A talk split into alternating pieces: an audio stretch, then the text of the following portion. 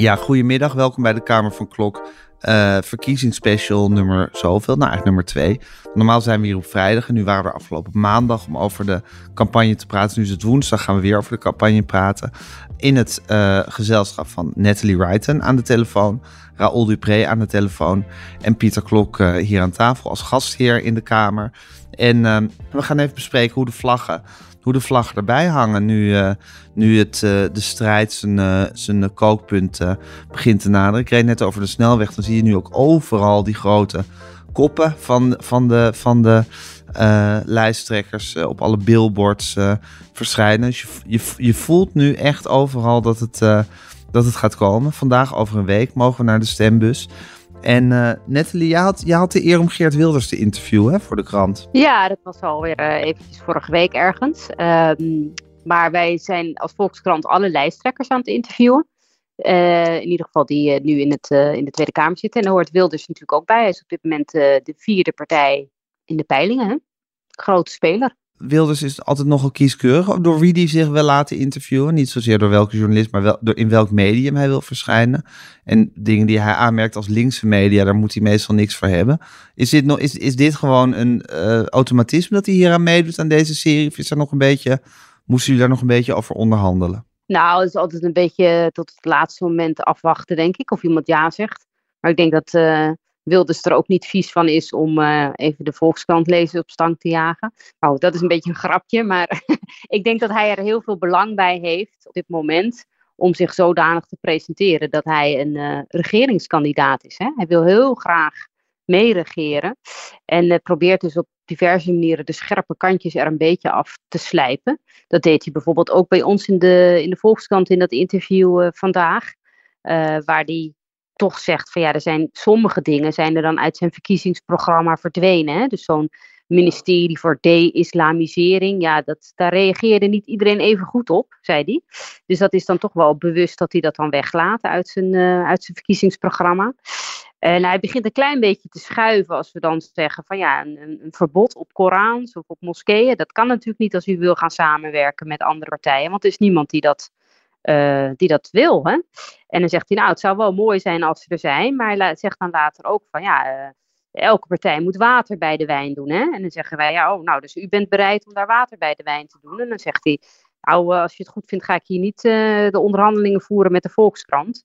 Maar goed, hij laat dus duidelijk een opening open om uh, te zeggen dat zijn meest extreme standpunten, in ieder geval standpunten die indruisen tegen de rechtsstaat, hè, dus een, een verbod op Korans of ja, dus dat perkt de vrijheid van godsdienst in. Hè. Dus dat gaat in tegen de rechtsstaat. Dat, oh, door daar een beetje genuanceerd over te zijn. En dat gebeurde eigenlijk gisteravond ook over uh, tijdens Nieuwsuur. Wat gebeurde dan tijdens Nieuwsuur? Nou, toen zag je ook dat Wilders een, een interview gaf waarin hij... Het leek wel even alsof hij misschien nog een klein stapje uh, verder ging. Uh, toen hem gevraagd wordt van, vindt u dat nou nog steeds het belangrijkste punt. Hè? Dus dat er bijvoorbeeld geen uh, Korans of geen moskeeën meer bij komen. En dan zegt hij, nou, het is hoe minder, hoe beter. Hè? Dus hoe, hoe minder uh, Korans er zijn of hoe minder moskeeën, dat is beter. Maar hij, hij heeft het dan ineens niet meer over verbod. En hij praat er uitgebreid over dat hij zegt, van, nou, op dit moment hebben wij andere prioriteiten zoals de zorg, uh, uh, zorgen dat mensen geld in hun portemonnee hebben, maar dat ze dus ook als ze in het ziekenhuis terechtkomen goed verzorgd worden. En dat zijn eigenlijk prioriteiten waar wij op in willen zetten als wij eenmaal aan die onderhandelingstafel komen om mee te regering. Hè? Dus het, het verbod op uh, Korans is dan niet meer het belangrijkste punt. Waarmee hij een heel duidelijk handgebaar doet richting partijen à la VVD, maar zeker ook omzicht nieuw sociaal contract van er valt met mij uh, te praten. Omzicht heeft tot nu toe uh, erg uh, duidelijk gemaakt. Ik wil niet met de PVV, omdat zij dus, hè, in de woorden van Omzicht, omdat zij niet rechtsstatelijk zijn. Dus ja, eigenlijk geeft hij hiermee aan van. Hè, wij vinden heel veel dingen wel, maar om samen te regeren hoef ik dat echt niet allemaal voor elkaar te krijgen. En begrijp ik dat er water bij de wijn nodig is. Ja, het is een beetje, Pieter, zoals partijen, partijen die veel republikeins zijn, maar die dan zeggen van ja, maar oké, dan, dan schaffen we de monarchie eh, even vier jaartjes nog niet af. Uh, laat, la, la, laat maar zitten even dit punt. Ja, een dit ligt wel in een iets ander, dit ligt wel in iets ander domein. Dit is natuurlijk allemaal iets principiëler. Als een partij echt nog steeds vindt dat, dat moskeeën uiteindelijk dicht moeten, uh, ja, de vraag is of je dat op dezelfde manier kunt wegen. Een vrijheid van religie is zeker ook voor omzicht, denk ik, wel heel veel waard. Zeker. En uh, dan is het niet zo prettig om in een kabinet te zitten met een partij die daar. Nee, zeker. Maar je kan als partij een heel kardinaal punt hebben waarvan je zegt van nou, daar staan we zo alleen in. Ja. Of dat is, dat is, dat is de, zo onmogelijk om daar echt aan te gaan Nou, de vraag is dat of, laten we maar even zitten. Of omzicht er natuurlijk ook zo naar kijkt. Of hij heel principieel zegt van ja, deze partij is nog steeds naar de aard een, een niet-rechtsstatelijke partij. Of dat hij zegt, nou, als ze niet-rechtsstatelijke punten gewoon thuis houden, dan, dan zijn ze alsnog van harte welkom. Ja. Maar wat, de, ja, hij zegt nu iets over de partij. Hij zei niet iets over een programma. Volgens mij dat het programma niet rechtsstatelijk is. Dan, is, dan heb je een makkelijkere uitwijkmogelijkheid. Ja. Als een partij, het wezen van een partij. Dus dan legitimeer je door ze toe te laten in een kabinet, legitimeer je toch ook een beetje die andere standpunten. Dus ik weet niet of omzicht zich zo makkelijk laat strikken. Ja, nu uh, is er al vaker gezegd in deze Kamer, Raoul, dat er toch weinig uh, mensen in de Tweede Kamer in elk geval zijn met zo'n politiek gevoel als, uh, als Geert Wilders, die zo goed snappen hoe het, hoe het werkt, het politieke spel. En ik heb toch het idee dat hij vanaf, vanaf het moment dat het kabinet gevallen is, heel scherp heeft aangevoeld, nou goed, er is ook geen hogere wiskunde, maar dat, dat, dat de kans op een heel rechts kabinet nu misschien wel groter dan ooit is. En dat hij daar, dat, dat, dat, hij, dat hij daar toch gewoon heel handig op is gaan voorsorteren. Ja, zonder meer. Deel jij dat, dat gevoel? hij heeft dezelfde analyse gemaakt als de VVD. Die om die reden natuurlijk eh, het kabinet lieten vallen. Kijk, ik dacht in het begin nog nou eens even kijken hoe lang hij dat volhoudt. Aardig zijn. Ja, ja, toen hij zich zo beminnelijk begon op te stellen. Maar hij doet er zelfs nog echt een schepje bovenop nu hoor, in de eindfase van de campagne. Overal, hij is de minzaamheid zelf. Dank u wel mevrouw Tweebeke, ontzettend fijn dat ik hier mag zijn. En de, de, bij, ons, bij ons in de krant, en we hebben ook wel eens hele boze foto's van Geert Wilders in de krant gehad. Maar nu zit hij heerlijk achterover op zijn stoel. Wat fijn, ik sta in de Volkskrant. Wat leuk. Eigenlijk toch een goede krant. Maar alles, alles is strategisch, strategisch. En hij is nu echt al met zijn gedachten na volgende week, woensdag. Ja, hij zit al te formeren. Hij is aan het formeren nu, ja. En het wordt wel heel interessant, want um, kijk, Pieter Omtzigt heeft het niet voor niet steeds over een minderheidskabinet. Die ziet namelijk ook wel dat er een meerderheidskabinet heel ingewikkeld gaat worden. Maar op dit moment is er toch niets wat erop wijst dat, we, dat er een werkbare meerderheid ontstaat. Op wat voor manier dan ook. Behalve als je Geert Wilders erbij haalt. En uh, de VVD heeft toch nu al in niet mis te verstaande bewoordingen aangegeven dat ze niet zien in een minderheidskabinet, gewoon om praktische redenen. Vechten om elke centimeter in beide kamers. Daar hebben ze gewoon geen zin in. Um, dus dat wordt ook nog een heel interessant armpje druk tussen de VVD en um, omzicht, denk ik, in die formatie. Halen we hem erbij of niet? En hij ziet natuurlijk ook dat uit de peilingen blijkt dat een overgrote deel van de NSC-kiezers het helemaal geen probleem vindt. 70% even uit mijn hoofd. Om met PVV te regeren? Vindt het prima om met de PVV te gaan, ja. ja. Dus omzicht zal van die kant, vanuit de VVD, onder grote druk komen te staan, denk ik, volgende week. En hij probeert de weg te plaveiden voor omzicht om de bocht te maken en te zeggen, nou ja, ik heb wel bezwaren tegen veel wat de PVV heeft gedaan en gezegd. Maar als hij zich zo opstelt zoals hij zich nu opstelt, ja, dan uh, moeten we misschien maar eens proberen. Ja, of dat hij de voorwaarden aan verbindt. Zolang hij zich uh, binnen de regels van de wet houdt. Dan ja. uh, kunnen wij zien hoe ver we kunnen komen. Ja, maar in ieder geval is Wilders in alles aan het uitstralen. Ik ben de kwaadste niet. Met mij valt, valt heus zaken te doen. Wees, wees maar niet bang. Ja. Ja, en alle nadruk op de asielstop. Niet meer op de islamisering van ja, Nederland. Ja, precies. Er mag gewoon niemand meer naar binnen. Ja, en dat sluit natuurlijk heel, heel erg aan bij wat Dylan Jezielgus ook wil uitstralen namens de VVD. Ja, ja, dus zo zijn ze elkaar aan het vinden. Is het niet toch wel opmerkelijk, uh, Pieter, dat, dat, dat ja, de PVV zo langzamerhand gewoon als een heel valide regeringspartij wordt gezien door blijkbaar een heel groot deel van het electoraat? Dat is toch best wel, ja, een dingetje. Ja, als je maar lang genoeg blijft zitten, dan, dan normaliseer je vanzelf.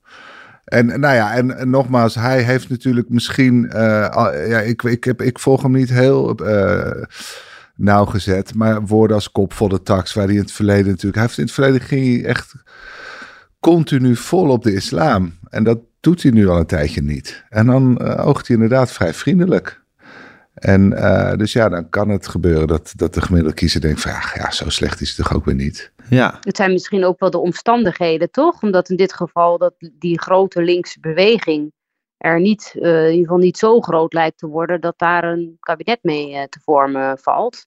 Dus ja, is het ook een beetje een noodgedwongen situatie. Ik denk dat heel weinig Nederlanders nu zitten te wachten, in ieder geval heel veel partijen zitten er ook niet op te wachten om weer een kabinet te vormen met zowel VVD als een linkse partij. Hè? Dus dat je weer een soort mi midden middenkabinet krijgt. Hè? Dus het, de, de, het sentiment in Nederland is nu heel erg, heb ik in ieder geval de indruk van, nou, liever uh, uh, graag uh, of een linkskabinet of een rechtskabinet. Maar alsjeblieft niet meer dat van allebei de kanten. Dus daardoor is er ook een situatie ontstaan die misschien daarvoor niet was, Pieter, voor over, dat het gewoon nou eenmaal over rechts moet nu. Omdat die links, dat linkse blok is gewoon op dit moment in de peiling in ieder geval nog niet groot genoeg. Nee. Is het dan ook een belangrijk moment geweest, denk je? Want eerst was het toch zo toen Pieter Omtzigt zich net nou, hij heeft zich al lang geleden gepresenteerd, maar toen hij die, die partij presenteerde en het programma eraan kwam, was het heel erg de vraag van, nou, als ze gaan regeren, wil omzicht over links of over rechts?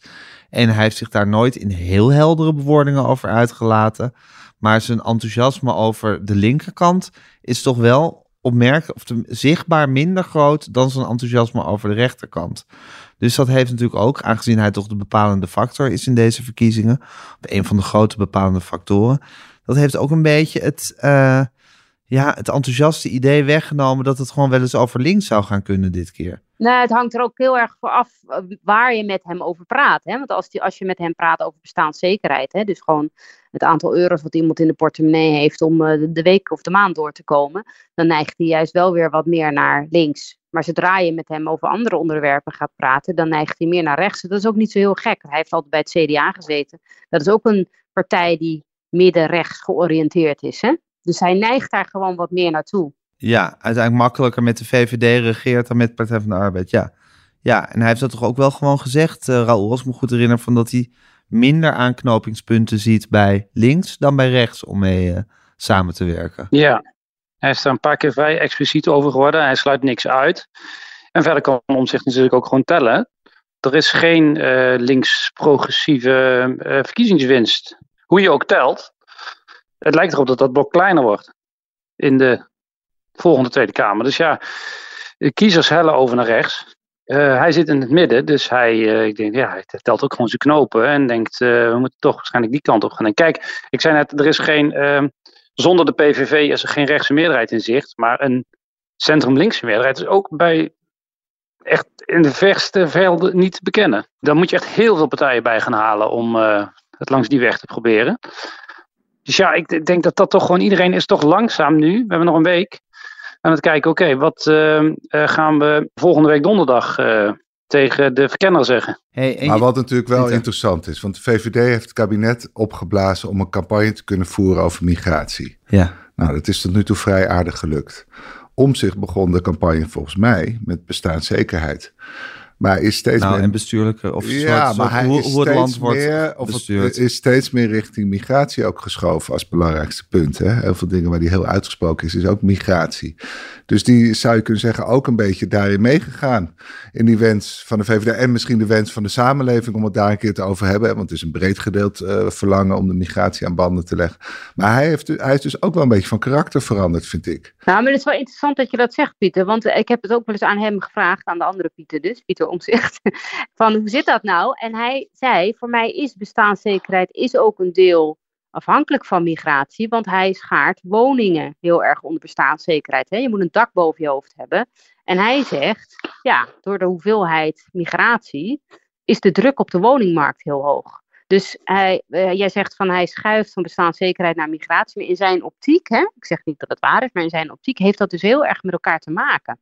Eigenlijk zijn die drie, die drie grote discussies, uh, migratie, woning en bestaanszekerheid, ja. zijn soort in elkaar geklonken. Uh, Voor hem wel. Ja, ja. ja, maar waar de nadruk toch wel heel erg op migratie komt te liggen. Ja, dat is waar. Zeker, maar daar, daar laat hij zich over uit.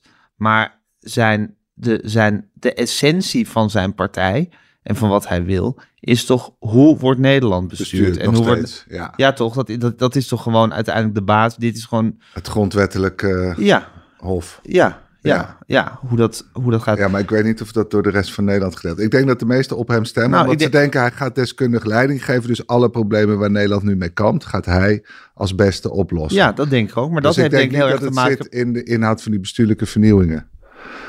Dat mensen daar enorm opgewonden van worden, van het grondwettelijke hof. Oké, Nou, de bestuurlijke vernieuwing klinkt misschien ook wat ingewikkeld, maar ik denk uiteindelijk dat mensen, degene die gaat winnen, dat is gewoon de persoon die de meeste kiezers vertrouwen.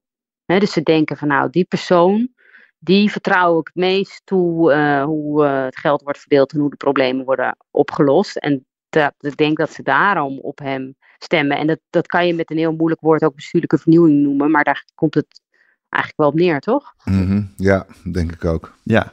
Raoul, jij noemde toen we het net even, eh, dit zaten te bespreken waar we het over hadden, noemde je Geert Wilders de stille kracht in de campagne.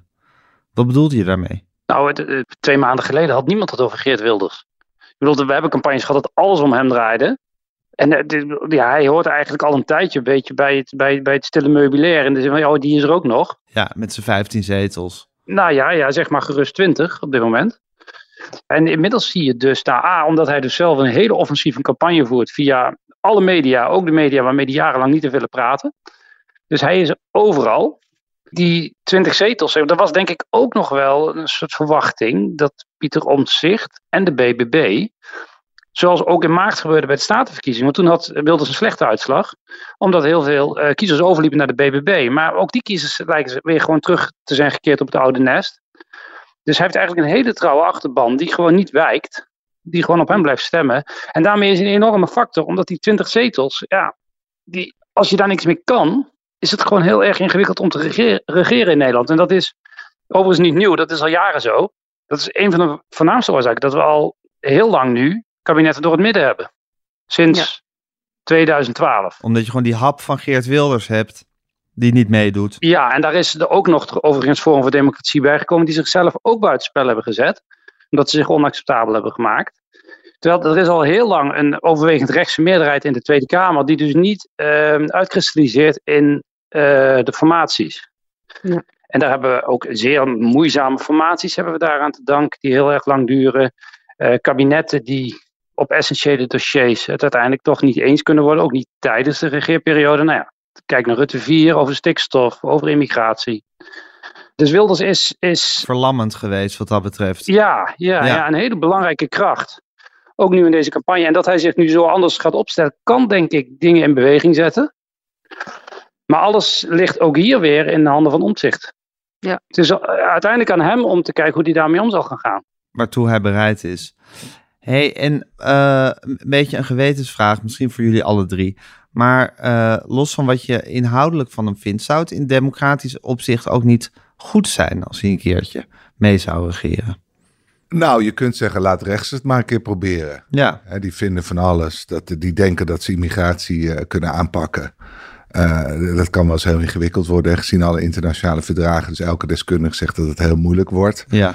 Maar je, je kunt betogen, nou, misschien is het goed als we het een keer gaan proberen. Dan kunnen we het zien. Of Ja. het werkt, die manier van... eh, want nu, nu eh, zoals Raoul schetst, komt het er niet van. Omdat we hebben gezegd, ja, die, die, die, dat radicaal rechts of extreem rechts... of hoe je ze Ja. verder ook noemt.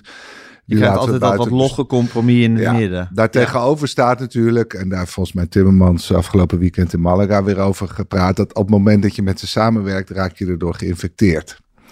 En er, kan het hele land staatsrechtelijk eh, naar beneden zakken. Hè? Ja. Dat we internationale verdragen aan ons laars gaan lappen. Dat we de rechterlijke macht eh, niet meer serieus nemen. Dus het kan je natuurlijk wel blijvend beschadigen, zo'n Ja. samenwerking. Dat hebben we natuurlijk ook in 2010 wel een beetje gezien. Hele erg anti-elite denken, waar de kunstsector natuurlijk heel erg onder heeft Ja. geleden. Dat kun je allemaal niet erg vinden. Maar als je vindt dat in een Ja, vol- volwaardige democratie kunst ook belangrijk is en sommige waarden belangrijk zijn, ook belangrijk is dat je die op een voetstuk Nee, zet. maar ik zeg ook dus niet, inha- het gaat even niet over inhoudelijk, van of je, of je denkt de- dat het goed is voor het land. Maar, Democratie heeft ook het heeft twee kanten. Democratie is dat je de wil van het volk zo goed mogelijk moet tot uitdrukking Mhm. moet proberen te brengen. En de meerderheid, dat is één kant. Maar een democratie is ook een verzameling waarden. En, en nou ja, je kan langs twee Ja. kanten redeneren. Als Dus je, je langs de zeggen- ene kant redeneert Ja. van het is puur, het is goed, dan is het goed. Als, eh, als Ja. we een keer over rechts gaan. Maar als je denkt, nee jongens, we hebben hier een soort eh, gemeenschap gekeerd waar we bepaalde waarden in ere houden en hoog houden. Ja, dan ben je er niet zo snel voor, denk ik. nee. Wat denk jij ervan, Raoul? tegen. Nou ja, dit is dus precies het debat dat binnen eh, de NSC nu gevoerd zal gaan worden, denk ik, de komende weken. Kijk, voor de, de politieke verhoudingen op het Binnenhof zou het heel louterend werken als we een, eh, gewoon een links- of een rechtskabinet kregen. Met eh, een linkse of een rechtse oppositie. De oppositie vaart er ook wel bij, over het algemeen, als er een kabinet met een duidelijke signatuur is. Want dan kun je ook ergens tegen zijn. En we zitten nu natuurlijk al heel lang met kabinetten die dan eh, oppositie van twee kanten hebben. Maar er is geen eensgezinde oppositie, want de ene helft is rechts en de andere helft is links. Waardoor kabinetten ook daar over het algemeen vrij ehm, eh, makkelijk doorheen laveren. Dat is een van de redenen waarom Mark Rutte ook zo lang overeind is kunnen blijven met al die verschillende combinaties. Wij hebben geen krachtige oppositie gehad de afgelopen tien jaar. Want die is dan eigenlijk verdeeld zoals het kabinet ook verdeeld is. Nou, zelfs nog verdeelder. Hè? De oppositie is vaak verdeelder dan de coalitiepartijen en minder gedisciplineerd. Dus op heel beslissende momenten in het parlement eh, in de afgelopen jaren trok de coalitie uiteindelijk aan het langste eind, omdat de oppositie er nog minder van bakte. En dat, dat heeft met die verhoudingen. Dus voor de politieke verhoudingen zou het denk ik heel louterend zijn. Ja, en dan eh, aan je rechtsstatelijke beginselen en zo. Ja, dat is een discussie die iedereen natuurlijk eh, voor zichzelf moet voeren, elke partij. Ook in de VVD wordt dat overigens nog wel zou je toch zeggen, nog, er zijn heus nog wel VVD'ers die toch bezwaar gaan maken, denk ik. Als Jelsekus zich nu in een avontuur met Geert Wilders stort. De herinneringen zijn natuurlijk nog niet helemaal weg. En ook de VVD kwam wel in verlegenheid hè, in het eerste kabinet Rutte. Kunnen jullie het Polenmeldpunt nog herinneren?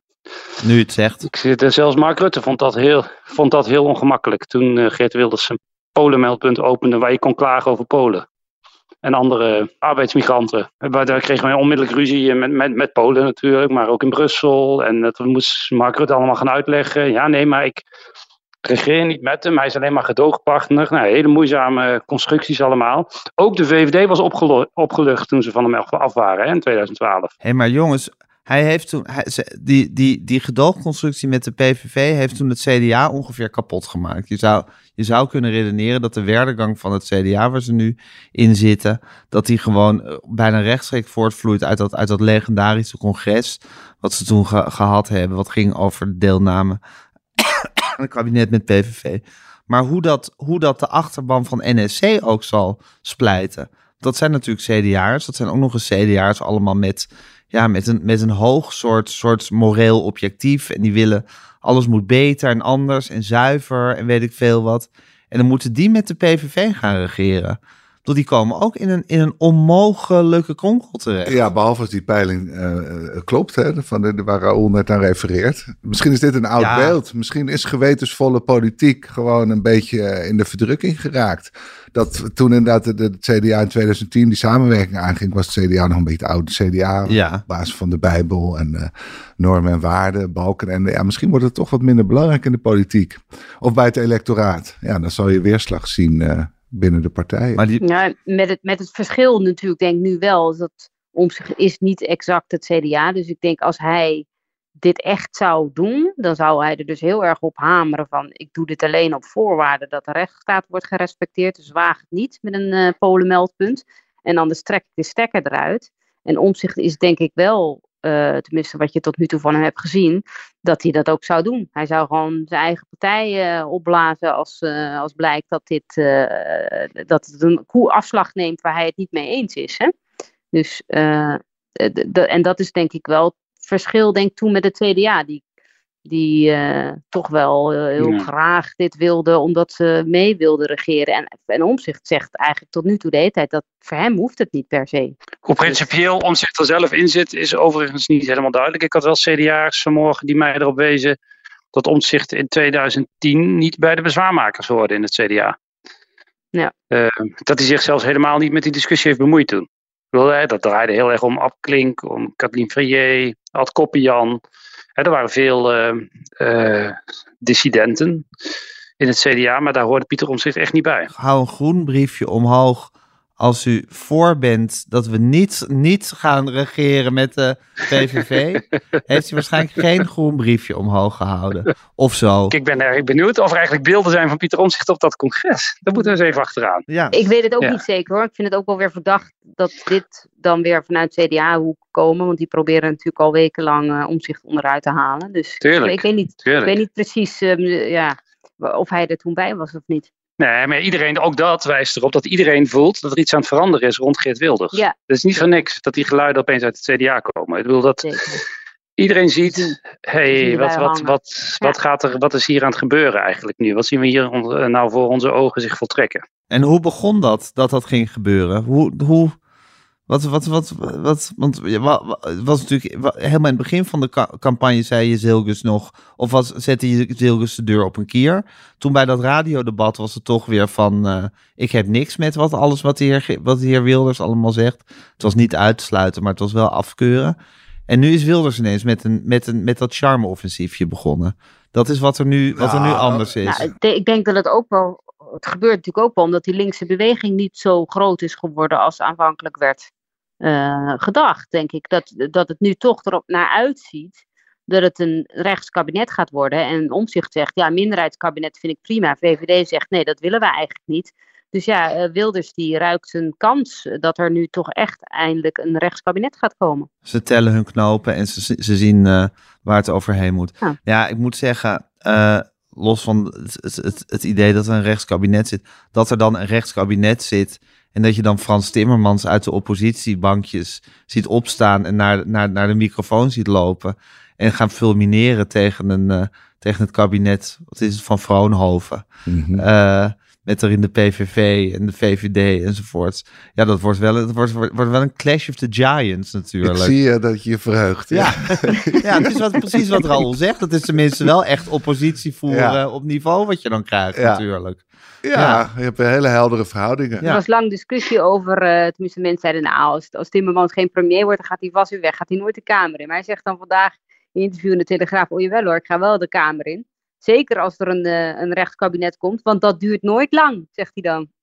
Ja, Dus ja. die hoopt erop dat als hij in de oppositie zit, dat hij echt, ja, dan kan de PvdA natuurlijk echt voor het eerst echt oppositie voeren. En dat was tot nu toe wel lastiger. Hij is toch ook een heel lang een heel bevlogen Kamerlid geweest. Ik zie hem dat zo weer, eh, weer Ja. doen, eh, eerlijk gezegd. Ja, maar de laatste keer dat we hem zagen, was hij minister van Buitenlandse Zaken. Hè? Dus dat is echt alweer een tijdje geleden. Weet ik. Maar, Maar vo- voordat we... maar daarvoor voordat was hij hem- heel lang Kamerlid. Zeker. mij. Maar, eh, goed, ja. Ja. maar voordat we hem definitief eh, afschrijven... Ik denk dat hij nog een hele serieuze kans maakt. Wat denk wat, wat, denk, Nou, wat, wat, wat voor zie jij, Piet? Wat zegt jouw gevoel? Hij heeft ons in 2000, eh, waar was het, laatste Europese verkiezingen natuurlijk Ja. enorm verrast. Zag niemand het aankomen, inclusief wij zelf niet. Ja. Toen won hij ineens. Grandioos, hè, dus echt de grootste partij van iedereen. Er kan natuurlijk op het laatst wel nog een grote trek naar Timmermans komen. de trek naar Timmermans. Ja, en, en, en, dat effect, dat, die effect hebben volgens mij die beide anderen gaan dat minder krijgen. Er, is nog heel veel, er zijn nog heel veel D66-stemmers, Partij voor de Dieren-stemmers, die op het allerlaatste moment, zoals ze vorige keer op het allerlaatste moment naar Kaag gingen, die op het allerlaatste moment naar Timmermans gingen. Dus ik, ik denk dat je Die dat toch strategisch gaan die, dat denk je dat niet moet uitsluiten. Want het verschil is. Ja, zeker nu het- dat Het verschil is ook niet groter geworden. Hè? Ik bedoel, je kan zeggen, hij heeft in het begin een klein dipje naar beneden gekregen. Maar de laatste peiling blijkt niet dat het verschil toeneemt. Dus ik sluit dat nog steeds niet uit. Eh, ja, ik denk, eh, ik zag hem bij VI laatst. Eh, ja, god, er is, niemand wil iets aardigs over Frans Timmermans zeggen. Dus dan neem ik graag altijd die rol op. Ik vond dat hij er vrij goed doorheen sloeg. Want hij werd echt genadeloos hard aangepakt. Hij wordt Ja. continu genadeloos hard aangepakt. Ja. Door de rechtse pers, maar de links eigenlijk door iedereen. Ja, er zijn ook heel veel redenen om hem hard aan te pakken, want hij heeft al een lange carrière in de politiek, eh, in Europa. Hij heeft inmiddels natuurlijk ook heel veel dingen op zijn kerfstok, dus je kunt het nog overal over hebben, over Ja. de dolksteek tegen Cohen. Maar hij wordt gewoon heel hard aangepakt. Ja, en ik vind dan eigenlijk dat hij zeker bij VI dat hij zich vrij goed staande houdt. Eh, ook zijn temperament onder controle heeft. Dus eh, ja, ik weet niet. Ik kan me ook voorstellen dat kiezers dat op een gegeven moment toch gaan zien. Dat hij ondanks al die aanvallen. Eh, eh, ja, ik zie hem ook niet bezwijken. En Nee. hij blijft wel vrij consistent aan zijn boodschap vasthouden en die bestuurlijkheid uitstralen. Eh, dus ja, ik, ik weet het niet, maar ik dacht, het is toch ook wel eens goed om dat scenario nog wel voor ogen te houden. Nou ja, en het is natuurlijk ook, Raoul, nu dat, nu dat rechtse blok dus steeds helderder lijkt te worden, wordt het voor iedereen met ook maar een beetje een links, een linkshart natuurlijk wel strategisch gezien als maar noodzakelijker om dan op tenminste de grootste linkse partij te stemmen. Als je er iets tegenover wil zetten. Dus het kan natuurlijk in zijn, dat kan natuurlijk in zijn voordeel werken nog in die laatste week. Ja, dat is de kaart die hij nu trekt. Hè? Als je een rechtskabinet wil voorkomen, moet je zorgen dat wij de grootste worden. Want nou ja, dan de, de grootste heeft het initiatief in de formatie en heeft veel invloed op welke kant het op gaat. Dat is, dat is nu wat, wat, PvdA GroenLinks heel nadrukkelijk uh, over het voetlicht proberen te brengen. Dat gaan we nog heel veel horen de komende dagen. Er zijn nog heel veel debatten. Uh, nog heel veel interviews, uh, nog heel veel bijeenkomsten. Zaterdag ongetwijfeld nog heel veel uh, straatcampagne. dus ik ben wel met Pieter eens dat er nog heel veel kan gebeuren. En ook dat we er eigenlijk bij alle recente campagnes hebben gezien dat er ook nog heel veel gebeurt in de afgelopen, of in de laatste vijf dagen. Ja, zijn toch gek genoeg, kunnen wij ons niet voorstellen, want we zitten de hele dag over politiek te praten. Maar er zijn toch ook echt heel veel mensen die nu pas inschakelen. En hun stem, uh, stempassen op het aanrecht zien liggen en denken, oh ja, dat hebben we ook nog. En over de snelweg rijden en die billboards zien. Ja, ja precies. Dat viel mij vanmorgen ook op uh, langs de snelwegen. Dat het, het lijkt wel alsof het collectief is afgesproken dat dit de dag was om ermee te beginnen, inderdaad. Uh, dus ehm, ik denk ook dat inderdaad het meeste geld wordt nu uitgegeven. Langs de snelwegen, maar ook online. Hè. Wil je, wat, je kan straks je computer niet meer aanzetten of je krijgt de lijsttrekkers langs. Dus niemand mag nog worden afgeschreven, denk ik, op dit moment. Kan nog alle kanten op. En jij hebt dat gevoel ook, Raoul, dat het nog, dat het nog in beweging kan komen? Nou ja, het is, het, het is, ja, er gebeurt meestal echt nog wel iets in die laatste dagen. Ook omdat kiezers toch er vaak wel behoefte aan hebben om uh, uiteindelijk wat strategischer te gaan stemmen. Dat is tot nu toe opvallend in het beeld. Ik geloof dat we het al over hebben gehad. Um, uh, maar kiezers houden nu heel erg vast aan de partij van hun eerste voorkeur. Dus de, de Volt-stemmers zitten gewoon bij Volt. De Partij voor de Dierenstemmers blijven bij Ouwehand. D66 uh, eh, eh, verliest natuurlijk heel veel zetels. Maar sinds het begin van de campagne eigenlijk niet meer. Hè? Die stonden laag. Uh, wie daar nog zat, blijft daar. Uh, stapt vooralsnog niet over naar uh, GroenLinks PvdA. Terwijl daar die hele campagne van GroenLinks PvdA natuurlijk wel op hoopt. Want we moeten die mensen hebben. En strategisch stemmen is wel typisch iets wat je pas in de laatste dagen gaat overwegen als je denkt dat het nodig is. Hè? Ja, dus dan gaat het landen. En wat we ook nog niet moeten uitsluiten, volgens mij, tenminste, het is een beetje, uh, nou, het is niet zeker natuurlijk, maar misschien dat Omzicht nog over de brug komt van ik heb het er thuis eens over gehad. En uh, als het nodig is, dan uh, wil ik toch premier worden. Dat zou natuurlijk ook een heleboel veranderen. Ja, denk je? Nou, ik, achterkans kleiner. Op het begin dacht ik heel lang van dat gaat hij nog wel bekendmaken in de laatste week. En ik ben achterkans nu veel kleiner, maar het is niet helemaal uitgesloten. En je denkt dat het veel gaat uitmaken, of als hij, als hij dat toch bekend maakt, in positieve zin voor hem? Ja, dat denk ik wel. Dat, ik denk dat dat voor hem in positieve zin zou uitpakken, ja, dat denk ik wel. Dat willen mensen. Blijkbaar. Nou, ik denk dat elke kiezer er nu toch een beetje vanuit gaat dat hij het gaat doen als hij de grootste wordt. Dus ik denk dat het vooral negatief kan uitpakken als hij een andere kandidaat naar voren schuift. Ik ja. weet niet of het hem nog heel erg... Ja, dat wel inderdaad, ja. Ja. Hey, en jongens, als je het nou toch hebt over uh, strategisch stemmen, is er nog een strategische uh, noodzaak om op Caroline van der Plas te stemmen eigenlijk? ja, vraag ik in alle ernst hoor. Maar is dat, bedoel, heeft, heeft de BBB nog een beslissende, is dat op een nog een beslissende factor in het hele spel? Nou, die hebben, die hebben hun zetels al binnen waarmee ze mogelijk beslissend kunnen zijn. Dat zijn de nou, zetels de Eerste, in de Eerste Kamer. Kamer. En, ja, uh, daar zijn ze gigantisch. Dus, dus om die reden zou je ze erbij willen hebben. Maar hoeveel ze er dan in de Tweede Kamer hebben, maakt eigenlijk niet zo heel veel uit. Dat maakt voor alle maar, combinaties. Ja, misschien Ra Raoul heeft daar beter Raoul, heb jij daar nog in je, met je zakje pannen iets over zitten uitrekenen?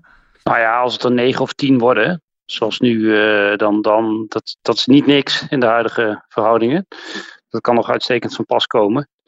Maar de BBB is eigenlijk een beetje terug waarbij het begon, denk ik nu. Uh, gewoon een boerenbelangbehartigingspartij. Uh, waar de, die mensen die er nu nog op stemmen. Er is natuurlijk één punt. Als je dat heel belangrijk vindt, kun je nog steeds nergens beter op stemmen dan de BBB. Dat is namelijk als je vindt dat politiek Den te onvoorzichtig met de boeren omgaat.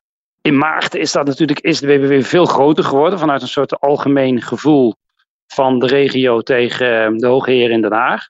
Nou, dat, dat sentiment, die, die mensen zijn weg, die zitten bij omzicht. Het is helemaal weg. Nou, dat is nog wel, maar dat zit niet meer bij Rond van der Plas. Ja. Maar ze heeft natuurlijk nog wel, ik bedoel, er is natuurlijk ook nog wel gewoon een, een, een, een nou ja, de achterban op het platteland, zeg maar, die waarschijnlijk toch in haar de meest zekere uh, belangenbehartiger ziet voor het anti-stikstofbeleid. Dat zal wellicht ook wel haar rol worden dan in die coalitieonderhandelingen. Ja. Uh, het voordeel lijkt me voor andere partijen dat toch deze campagne wel is gebleken dat uh, de BBB geen vast omlijnde standpunten heeft op heel veel thema's. maar dat is voor een formatie heel bruikbaar, hè? Ja, dat is voor een formatie heel bruikbaar. Uh, ja, ik, ik, moet altijd denken aan Matt Herbe, die, die arme Matt Herbe, die toen, omdat Pim Fortuyn was doodgeschoten, de formatieonderhandelingen moest doen met Gerrit Salm en Maxime Verhagen. En toch, ja, na een maand of twee bleek dat toch eigenlijk grotendeels de VVD en CDA-verkiezingsprogramma zich eigen had gemaakt. En dan met de Joint Strike Fighter erbij. Ja, ja, ja, ja. En dan mocht Matt Herbe wel heel vaak uh, aan het eind van een onderhandelingsdag komen vertellen wat er was afgesproken. Dus mocht hij het vertellen.